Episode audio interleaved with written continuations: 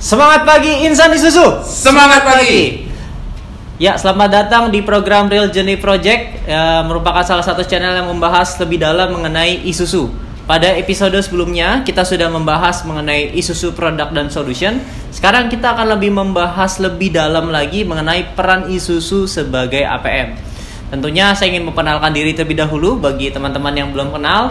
Uh, kenalkan, saya Francis, saya dari HRD yang tergabung dalam tim Real Journey Project. Dan pada hari ini kita kedatangan narasumber kita, Pak Ari Mariano. Kita persilakan Pak untuk memper, Bapak mengenalkan diri Pak.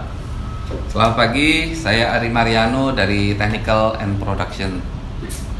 Oke, terima kasih Pak Ari atas kehadirannya pada uh, pagi ini Pak ya.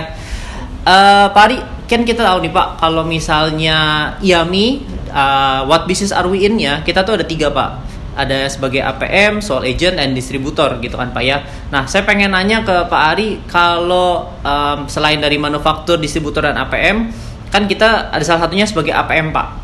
Nah, kalau misalnya pertanyaan saya seperti ini Pak, sebenarnya kewajiban Isuzu atau IAMI gitu Pak ya, sebagai APM itu apa sih Pak kewajibannya? Jadi menurut saya ada tiga kewajiban utama IAMI sebagai APM.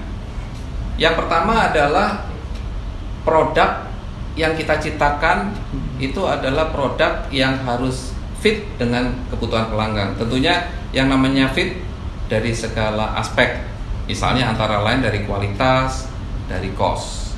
Hmm. Kemudian yang kedua adalah tanggung jawab kita terhadap keseluruhan hasil proses kita, baik itu dari dimulai dari produk desain sampai dengan kita selesai di, diberikan ke customer itu kita harus bertanggung jawab terhadap keseluruhan proses baik itu bertanggung jawab atau kompetitif terhadap cost yang kita desain maupun hmm. terhadap kualitas yang kita akan atau kita declare.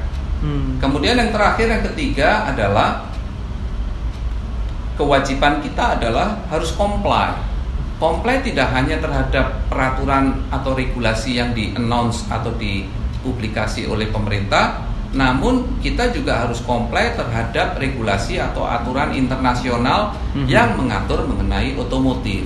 Saya rasa itu tiga hal utama yang menjadi kewajiban IAMI sebagai ATM. Oke, berarti harus comply terhadap marketnya Pak ya. Kalau saya coba rangkum Pak ya, comply terhadap market, comply terhadap regulasi yang ada dalam suatu pemerintahan atau negara tertentu, dan comply terhadap standar internasional Pak ya sebagai APM Pak ya. Iya.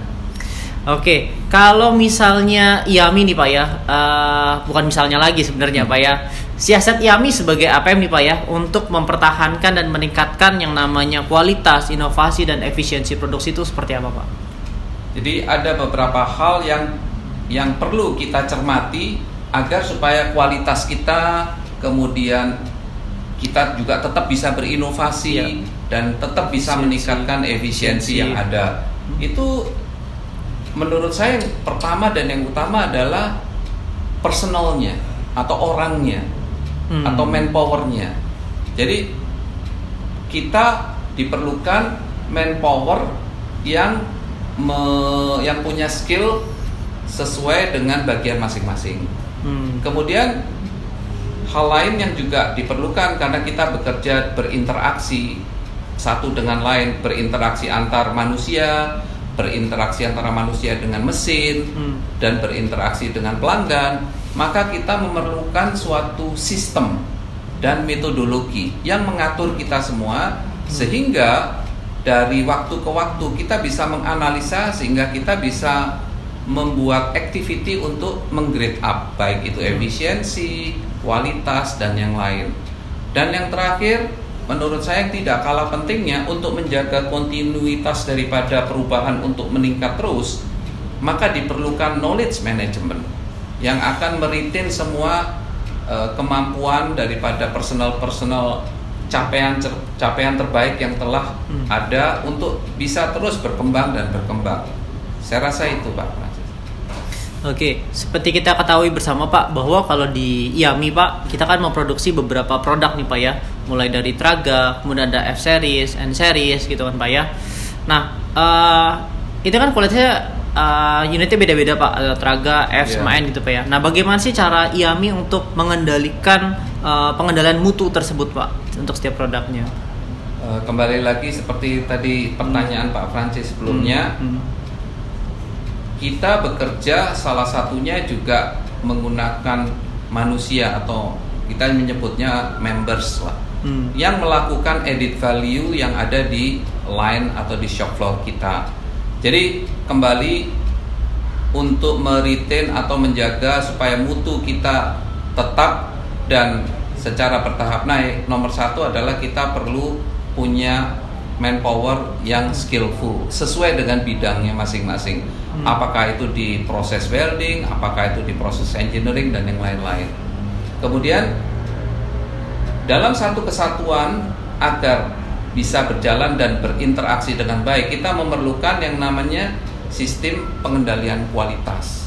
Suatu sistem yang mengatur interaksi antara manusia, peralatan dan yang lain-lain sehingga didapatkan kualitas atau mutu produk yang sesuai dengan apa yang kita desain. Hmm. Nah, untuk menjaga kualitas manusianya di bidangnya maupun untuk me-educate terutama untuk karyawan atau members kita yang baru, Mhm. maka kita membuat satu sekolah lah mungkin ya, sekolah kecil lah di dalam line kita yang kita namakan sebagai dojo. Di dalam dojo itu situasinya, kondisinya dibuat semirip mungkin dengan apa yang ada di line sehingga para mentor atau para guru atau para coach yang ada di dalam situ bisa Ya. mengajarkan skill, kecepatan dan yang lain-lain khusus kepada karyawan baru maupun karyawan yang lama yang kemudian harus masuk lagi untuk apa me- mengingat yang dulu pernah eh, diajarkan agar kualitasnya tetap terjaga dan eh, yang tidak kalah pentingnya juga peralatan atau kalibrasi. Hmm. Jadi kalibrasi dari peralatan untuk menjaga agar peralatan itu Hmm. tetap sesuai. Dan yang terakhir yang tidak kalah pentingnya adalah setelah semua sistem ini berjalan, mungkin ada tetap ada miss. Nah untuk itu kita memerlukan yang namanya traceability atau mampu telusur daripada sistem kita sehingga Hmm. manakala terjadi eh, malfunction baik itu dari orang, Hmm. Dari proses, Hmm. dari permesinan atau peralatan itu mampu ditelusuri kapan hal itu terjadi oleh siapa Mhm. eh, members yang membuat saat itu dan peralatan apa yang terlibat saat itu. Nah itu semua eh, diperlukan Mhm. mampu telusur yang cukup sophisticated untuk suatu sistem menjaga mutu dengan baik. Rasanya itu Pak. Oke, berarti pertama itu dalam sistem pengelolaan mutu tuh pertama adalah orangnya dulu Pak ya sebagai Ya. modal utamanya kita. Kemudian tadi ada prosesnya juga Pak di dalamnya. Yang dalam hal ini prosesnya ini disiapkan dalam bentuk dojo Pak ya. Kita punya fasilitas dojo gitu Pak ya untuk mempersiapkan members belum masuk ke terjun langsung ke lainnya langsung gitu Pak ya.